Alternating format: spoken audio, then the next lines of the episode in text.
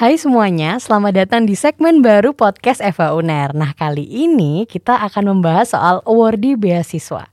Dan hari ini kita udah kedatangan Avani Mahmudah dari angkatan 2019 yang merupakan seorang awardee beasiswa Pertamina. Mungkin bisa kenalan dulu Avani.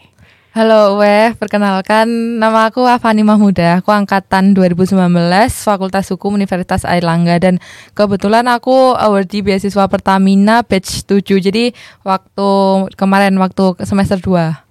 Oke, nah ini pasti teman-teman yang lagi dengerin kita sekarang udah nggak sabar nih, pengen tahu keberhasilan kamu untuk meraih beasiswa ini. Jadi kita langsung aja ya kepoin Avani. Ini yang pertama aku pengen tahu, kira-kira seorang Avani yang merupakan awardee beasiswa Pertamina ini kesibukannya apa aja sih? Ya weh, kalau sekarang itu lagi kuliah biasa ya, terus uh, juga lagi skripsian dan terus aku sekarang lagi di PSDM BEM Eva Uner. Oke, jadi selain berkuliah juga organisasi ya Iya, tentunya. benar. Nah, kalau misalnya kemarin nih waktu daftar di beasiswa Pertamina itu, persyaratan untuk mendaftarnya itu apa aja? Mungkin dari berkasnya atau tahapan-tahapannya mungkin bisa dijelasin sama Avani? Ya, jadi kalau Pertamina itu ada dua tahap seleksi. Jadi yang pertama itu ada berkas dan kedua interview. Nah, yang pertama itu kan berkas. Jadi kita itu masuk di linknya Pertamina udah disediain. Kita itu ngisi uh, formulir-formulir yang emang ada di sana. Jadi seperti data pribadi, terus data orang tua, data saudara kandung, terus misal uh, kita juga disuruh menulis tentang organisasi apa, kegiatan kita apa, prestasi.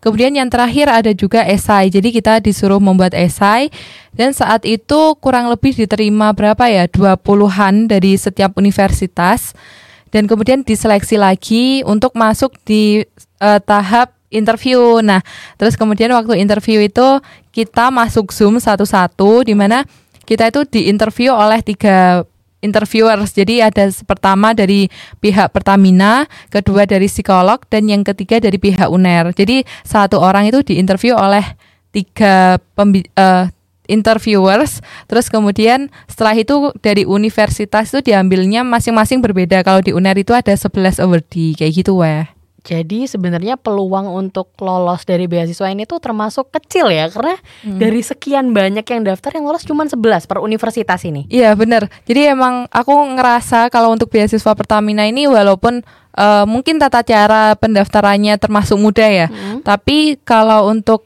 eh, berapa banyaknya orangnya itu emang eh, sedikit banget gitu loh, Weh. Bahkan dari satu univ itu sekitar 11 orang dan maksimal sekitar 19. Itu pun jarang banget kalau ada yang 19.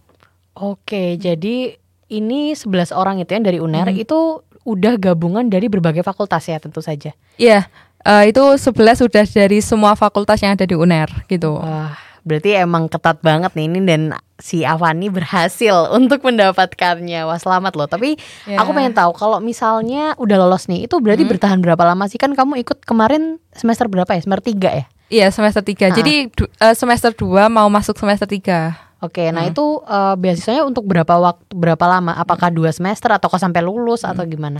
Ya kalau Pertamina itu otomatis 4 semester jadi selama 2 tahun. Jadi kalau kemarin tuh aku terhitung untuk semester 3, 4, 5, 6. Jadi ini udah akhir tahunku di beasiswa Pertamina. Oke, nah tadi kan udah disebutin nih syarat untuk mendaftarnya itu salah satunya adalah bikin esai. Nah, Nah, boleh diceritain nggak persiapan untuk menyusun esai, termasuk juga persiapan dalam menyusun eh, mental untuk interview? Karena kan eh, setelah berkas, berkas tuh berarti kan eh, yang secara istilahnya administratif kan Ah. ya. Dan setelah itu ada interview, kamu mempersiapkannya gimana sih? Ya. Mungkin dari esainya dulu aja nih, esai gimana? Oke, jadi eh, pertama tahu beasiswa launching, beasiswa Pertamina itu udah dari awal aku benar-benar nyiapin. Jadi aku udah target mau dapat beasiswa itu. Jadi eh, aku emang persiapannya jauh-jauh hari. Itu untuk esai aku emang pertama itu nyiapin tentang aku lihat dulu temanya apa. Nah, terus setelah itu aku coba riset-riset dulu tentang temanya. Terus aku coba mulai nulis. Jadi sekitar kurang lebih satu bulan itu aku juga menyiapkan esai selain menyiapkan eh, persiapan yang lain. Jadi eh, kalau saat itu kan tentang gimana cara kita bisa menanggulangin apa ya eh, peran kita ketika covid gitu loh. Nah, Oke. jadi kalau aku kemarin tuh kayak gimana cara kita itu bisa berperan di bidang masing-masing saat covid. Jadi yang dokter ya eh, yang anak-anak kuliah di kedokteran ya berfokusnya di bidang itu pun di hukum dan lain-lain kayak gitu. Terus kalau apalagi ya tadi Interview. Oh ya, kalau interview eh, emang nggak bisa dipungkiri kalau interview itu kita pasti agak grogi gitu ya weh. Mhm. itu ka- kalau aku itu ngerasa ya udah apa pun berani atau nggak berani ya emang harus dijalanin gitu kan. Jadi waktu itu aku minta doa dulu eh, minta doa restu ke orang tuaku terus bilang kalau emang mau wawancara terus ya doa dulu sebelum sebelum wawancara itu doa dan menyiapkan. Jadi aku sebelumnya itu telepon ke kakak tingkat tanya kalau interview itu biasanya ditanyain apa sih? Terus aku juga googling untuk beasiswa itu biasanya pertanyaannya seperti apa dan aku mempelajari itu. Jadi aku hamin beberapa hari sebelum interview aku emang yang berlatih ngomong gitu loh. Iya, iya, iya. Jadi kayak misalnya ada pertanyaan ini jawabanku kayak gimana sampai beberapa kali aku latihan ngomong akhirnya waktu hari H itu insya Allah eh, alhamdulillah sih alhamdulillah juga lancar kayak gitu. Oke, jadi sebenarnya selain uh, persiapan dari diri sendiri juga minta doa restu dan Iya. juga uh, nanya ke alumni yang Ah, sudah benar. pernah mendapatkan beasiswa ini. Jadi bisa tahu pandangannya sebenarnya pas interview itu nanti pertanyaannya kira-kira seperti apa Iya, gitu. benar. Dan untuk esainya sendiri harus banyak riset ya Ah, sebenarnya. benar-benar. Oke, dan itu uh, tergantung temanya juga. Apakah setiap tahun itu berarti berganti ya temanya? Iya temanya setiap tahun berganti. Oke, kalau misalnya dari Avani sendiri nih, ada nggak sih kesulitan ketika mempersiapkan uh, persyaratan dari pendaftaran untuk beasiswa itu sendiri?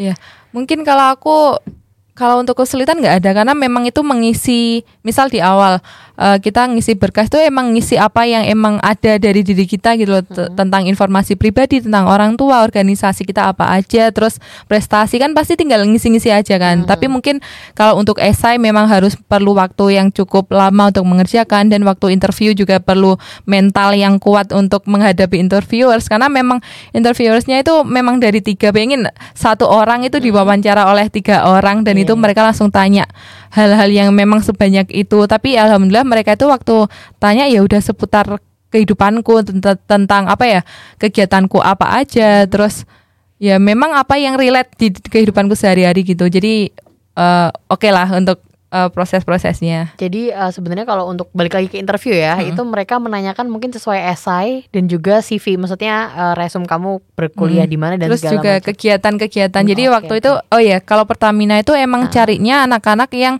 punya kegiatan sosial ataupun kegiatan ling- eh, untuk lingkungan gitu loh, weh. Oke. Jadi kalau itu karena aku juga aktif di komunitas sosial yang ada di Nganjuk. Mm-mm. Waktu itu eh, teman-teman bisa tahu. Jadi eh, itu komunitas di Nganjuk yang berfokusnya di bidang anak-anak. Jadi kayak ngajar anak-anak di desa kayak gitu. Nah, eh, untungnya interviewers itu tertarik banget sama kegiatanku itu. Jadi waktu itu aku ditanyain kegiatannya di situ ngapain aja, terus dampaknya untuk masyarakat di sekitar kayak apa dan ya mereka tertarik dengan kegiatan yang itu gitu. Oke, nah kalau misalnya setelah keterima nih, Hmm. sampai sejauh ini, apalagi ntar lagi sebenarnya udah selesai ya untuk Mm-mm. beasiswanya sendiri, kamu benefitnya apa sih yang didapatkan dari beasiswa Pertamina itu?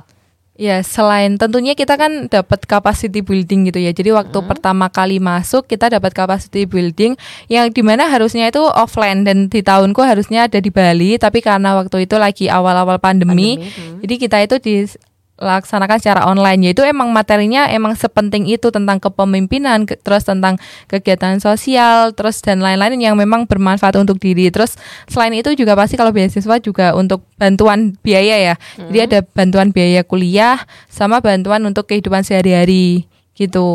Oke, jadi sebenarnya benefitnya nggak hanya istilahnya dari sisi material, tapi juga eh, ilmu ya, Iya, karena benar. Ada eh, tadi capacity building. Iya benar. Ini aku bisa tarik kesimpulan juga, mungkin setelah menerima capacity building ini yang bikin Avani akhirnya bisa memegang jabatan di PSDM BEM Eva Uner ya nggak sih? Iya, insya Allah iya gitu sih.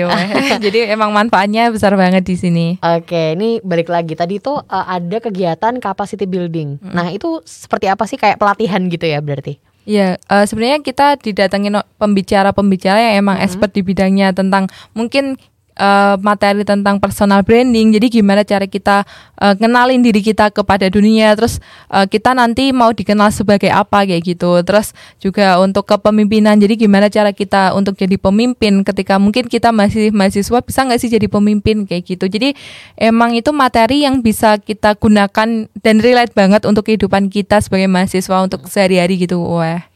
Oke, ini aku terakhir mau tanya nih tips khusus dari Ya. seorang Avani untuk teman-teman yang mau mendaftarkan diri ke beasiswa Pertamina ini. Mungkin dari sisi tadi pendaftaran apakah yang harus disiapkan Hmm. gitu atau mungkin kayak harus ikut komunitas-komunitas tertentu Hmm. seperti Avani agar jalan untuk diterimanya jauh lebih besar mungkin bisa diceritain. Ya, mungkin kalau memang udah target pengen beasiswa Pertamina, tentunya kita harus apa ya?